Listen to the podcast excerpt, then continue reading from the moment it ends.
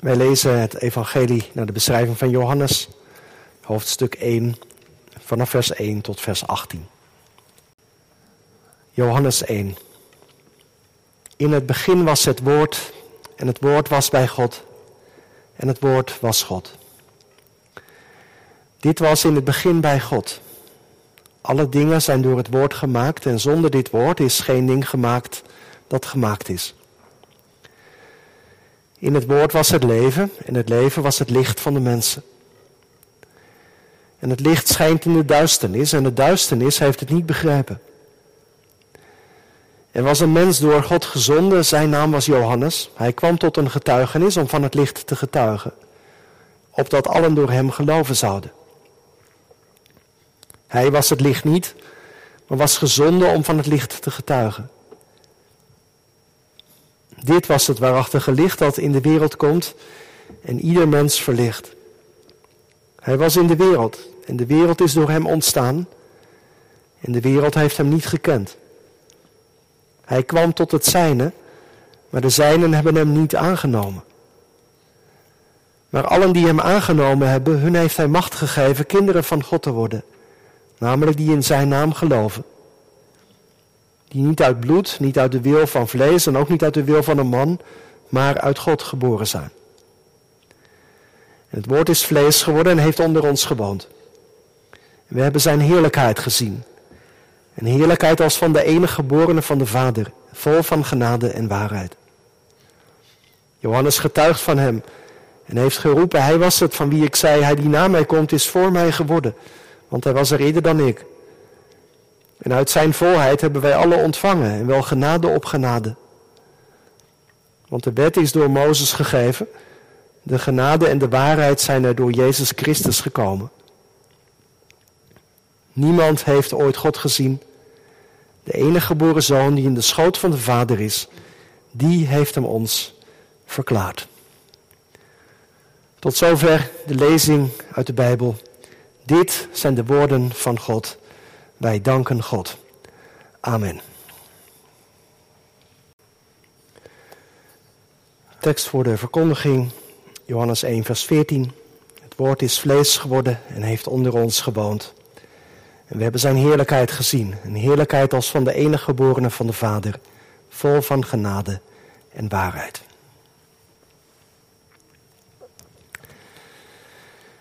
Broeders en zusters, van waar ook met ons verbonden, hier samen in de kerk, gemeente van Christus.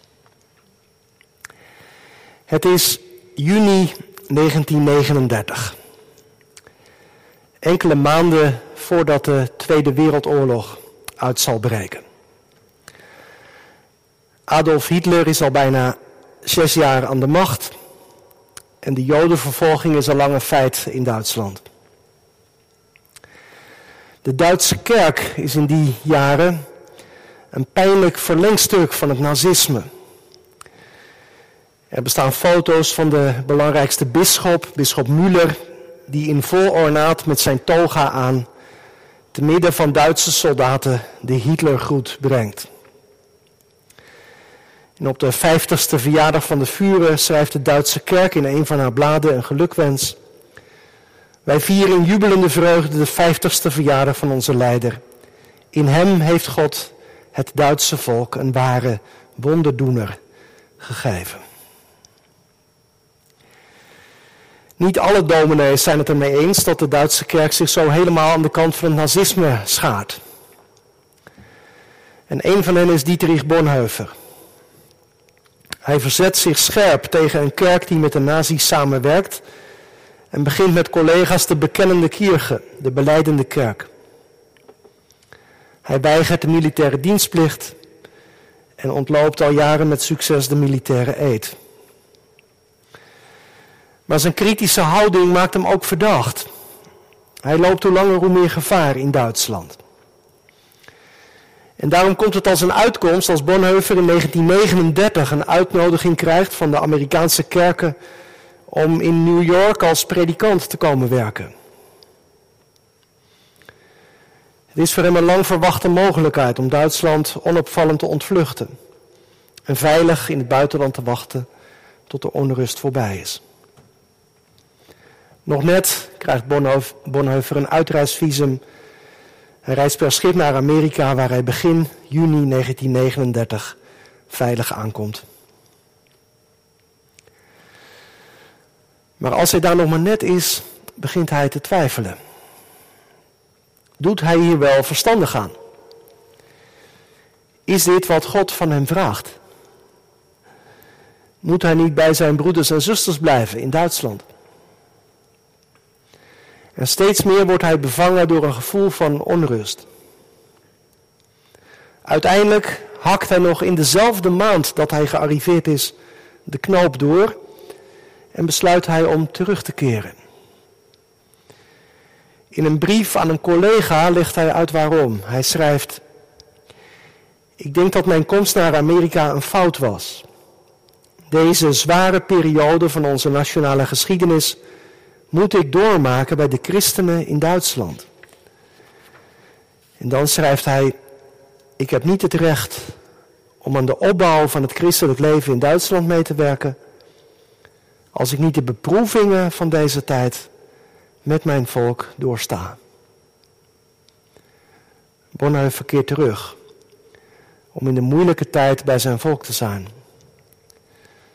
Vijf jaar later wordt hij geëxecuteerd, vlak voor het einde van de oorlog.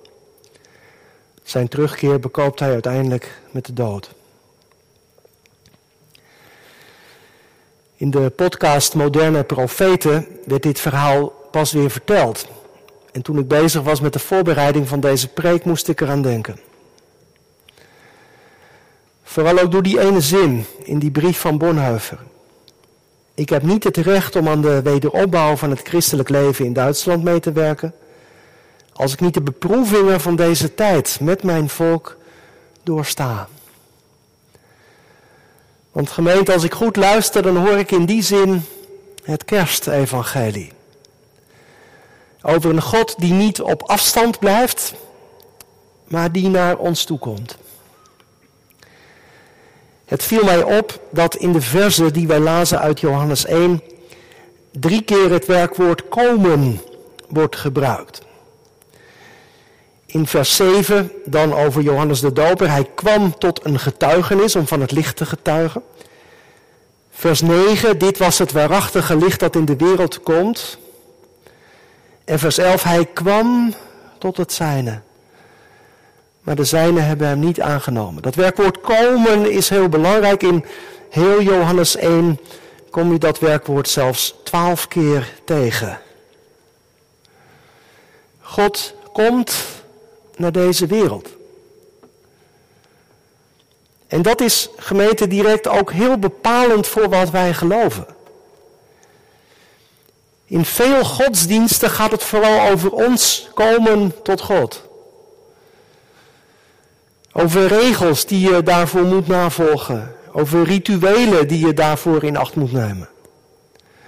Eigenlijk gaat het in de meeste godsdiensten over opklimmen.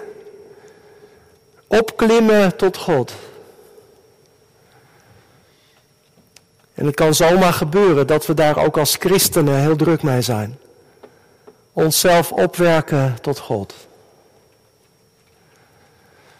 Maar de kern van het christelijk geloof ligt niet in wat wij doen, maar in wat God doet.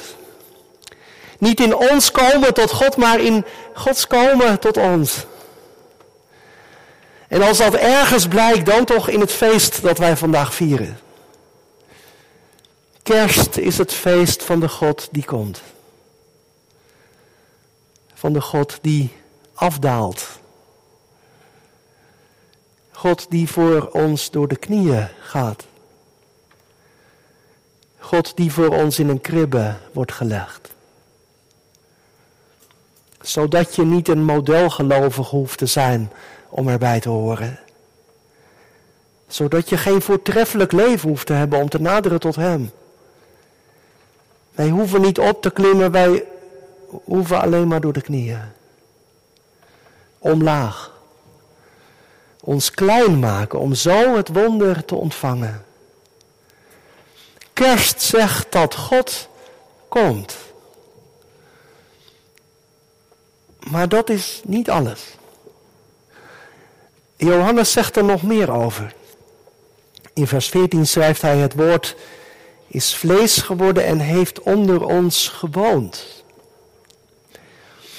Je moet weten dat al vroeg onder christenen de gedachte opkwam dat Jezus wel mens was geworden, maar toch ook niet helemaal. Hij zou een soort uh, schijnlichaam hebben. Hè? Dat, want nou ja, dat God echt helemaal mens zou worden, dat was onvoorstelbaar. Dat kon je toch eigenlijk niet indenken. Maar Johannes zegt dus hier in hoofdstuk 1 dat het juist dat onvoorstelbare is dat gebeurt. Het woord is vlees geworden. En vlees, dat betekent echt mens, lichamelijk. Jezus had een lichaam zoals jij en ik dat hebben.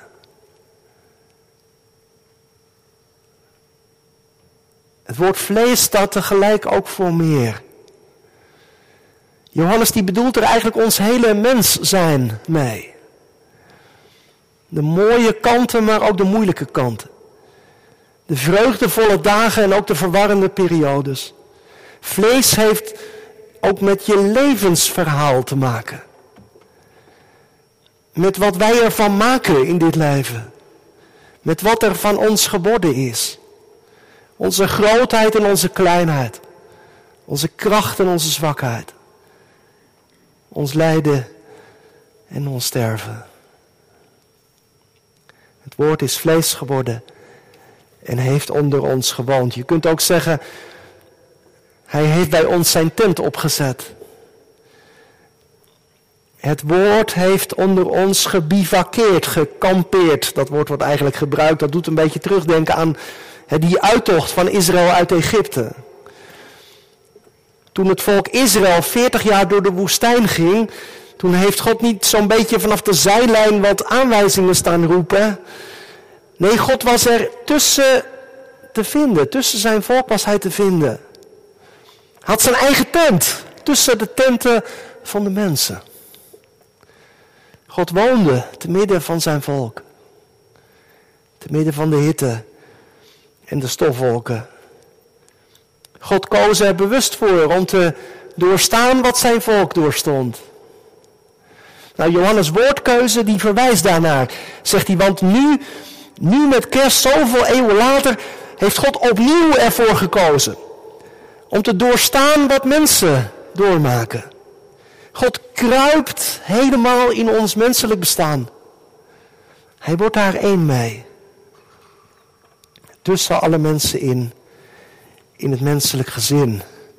Zoals dat kerstlied zingt. En gemeente, er zijn weinig dingen waar ik zo blij van kan worden dan hierover. Dat die hoge heilige God door Jezus Christus helemaal is afgedaald in ons leven. God is niet op afstand gebleven.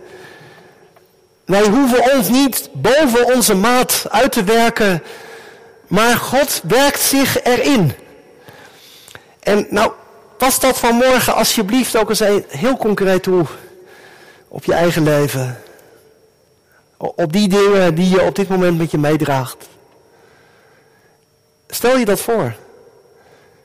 Jezus deelt in mijn teleurstelling. Jezus deelt helemaal in mijn vragen. Jezus deelt in mijn lijden, in mijn ziekte. Jezus deelt in mijn angst voor de dood. Jezus deelt in mijn eenzaamheid. Jezus deelt in mijn verdriet in mijn rouw. Jezus deelt echt helemaal in mijn bestaan. Hij houdt om zo te zeggen helemaal niks achter. Hij geeft zich helemaal. Ik moest nog even denken aan wat Dietrich Bonhoeffer schreef, die ervoor koos om de beproevingen van zijn volk te doorstaan. En de reden voor hem om terug te keren lag in zijn geloofwaardigheid. Want schreef hij dus, ik heb niet het recht om aan de opbouw van het christelijk leven in Duitsland mee te werken als ik niet de beproevingen van deze tijd met mijn volk doorsta. Als hij in Amerika was gebleven, was hij geen geloofwaardig leider meer geweest voor de kerk. Dan hadden de mensen hem na de oorlog vast meewarig aangekeken en tegen hem gezegd: Wat weet jij er nou van, Dietrich? Jij hebt makkelijk praten. Jij zat daar veilig in Amerika. Jij kunt toch nooit weten wat wij hier allemaal hebben doorgemaakt. Jij weet niet waartegen wij hebben moeten vechten. Jij weet niet om wie wij hebben gehuild. Jij hebt geen recht van spreken. Waarom zouden we naar jou luisteren? Bonhoeffer verkeerde wel terug. En daarmee werd hij een gezaghebbende stem in de kerk. Misschien ook nog wel extra, omdat hij het uiteindelijk met zijn leven moest bekopen. Kerst zegt dat God niet op afstand blijft. Wat zou je ook aan zo'n God hebben? Hoe geloofwaardig zou hij zijn? Maar hij is gekomen. Ik was in een preek van dokter De Kruif, die schreef: God heeft zich voor ons in de nesten gewerkt. Dat is het eigenlijk. God heeft zich voor ons in de nesten gewerkt. Uiteindelijk zelfs kostte het hem alles. En het bijzondere is, daar ligt in Johannes 1 ook al iets van op. Moet je kijken, het woord is vlees geworden en staat er dan, wij hebben zijn heerlijkheid gezien. Dat is een beetje apart natuurlijk. Je denkt, hoe, hoe moet je dat nou verbinden hè, met Jezus in de kribbe? Er zijn wel schilders, die hebben dan zo'n schilderij, zo'n tafereel van de stal. En dan zie je Jezus en dan zo'n kleine stralenkrans om zijn hoofdje geschilderd. Nou, zo is het niet geweest natuurlijk. Jezus was een gewoon kind. Op een gewone manier geboren, helemaal baby. Zoals wij dat allemaal geweest zijn. Waar, zit dan die heerlijkheid in waar Johannes het over heeft? Nou, je moet eigenlijk doorlezen, want er staat gelijk achteraan. Ze is vol van genade en waarheid. Dat zijn twee woorden uit het Oude Testament. Die, die alles te maken hebben met hoe God met mensen omgaat. God laat in die woorden genade en waarheid zijn hart spreken. Genade, dat is, dat is alles wat God zomaar aan ons kwijt wil. Zijn liefde, zijn vergeving, gratis en voor niets. En waarheid, dat heeft vooral betrekking op Gods betrouwbaarheid. We kunnen van God op aan. Hij doet wat hij zegt, daar komt hij niet op terug.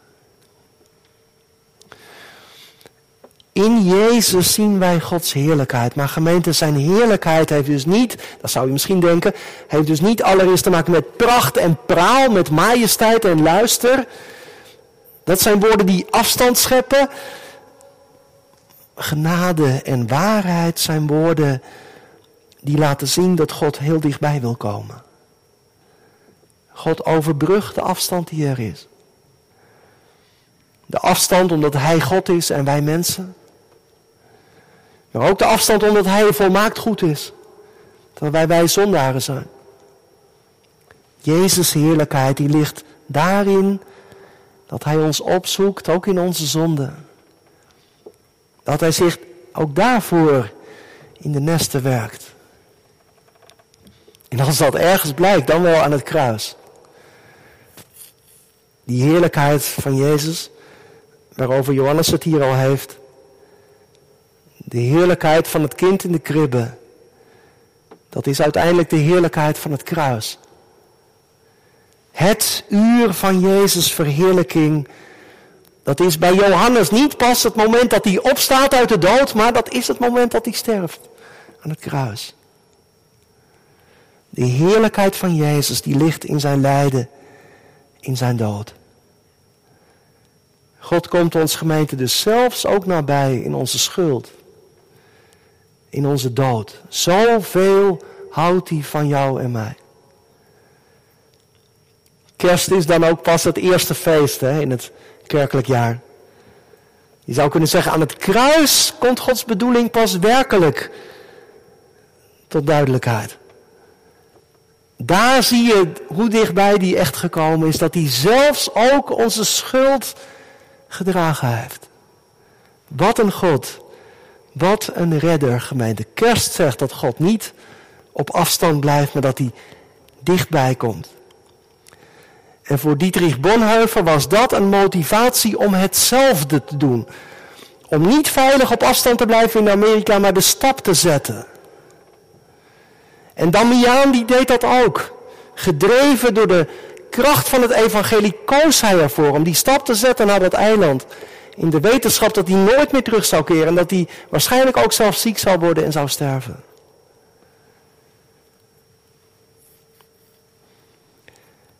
Nu besef ik, er zijn natuurlijk ook andere verhalen. Van mensen op heel vooraanstaande posities die het laten afweten. Die te weinig doen. Die niet zo'n betekenisvolle stap zetten. Ik moest even denken aan wat onze koning zei op 4 mei vorig jaar op de Dam. Medemensen Medeburgers in nood voelden zich in de steek gelaten. Onvoldoende gehoord, onvoldoende gesteund, al was het maar met woorden. Ook vanuit Londen, ook door mijn overgrootmoeder, toch standvastig en fel in haar verzet. Het is iets dat me niet loslaat. Misschien herken je dat zelf ook. Wat kun je je als mens ook makkelijk afzijdig houden? Je er maar niet mee bemoeien. Het conflict in de familie maar laten voortwoekeren. Voorbij leven aan de nood in de wereld. Geen aandacht besteden aan iemand waarvan je weet dat die aandacht nodig heeft, omdat je denkt een ander zal wel. Gemeente, als God begint waar wij zijn, als Hij mens wordt onder de mensen, als Hij komt om ons te dienen, laten ook wij dan niet afzijdig blijven, maar onze roeping op ons nemen. Om daar in het leven, waar God ons roept, Zijn liefde door te geven. Amen.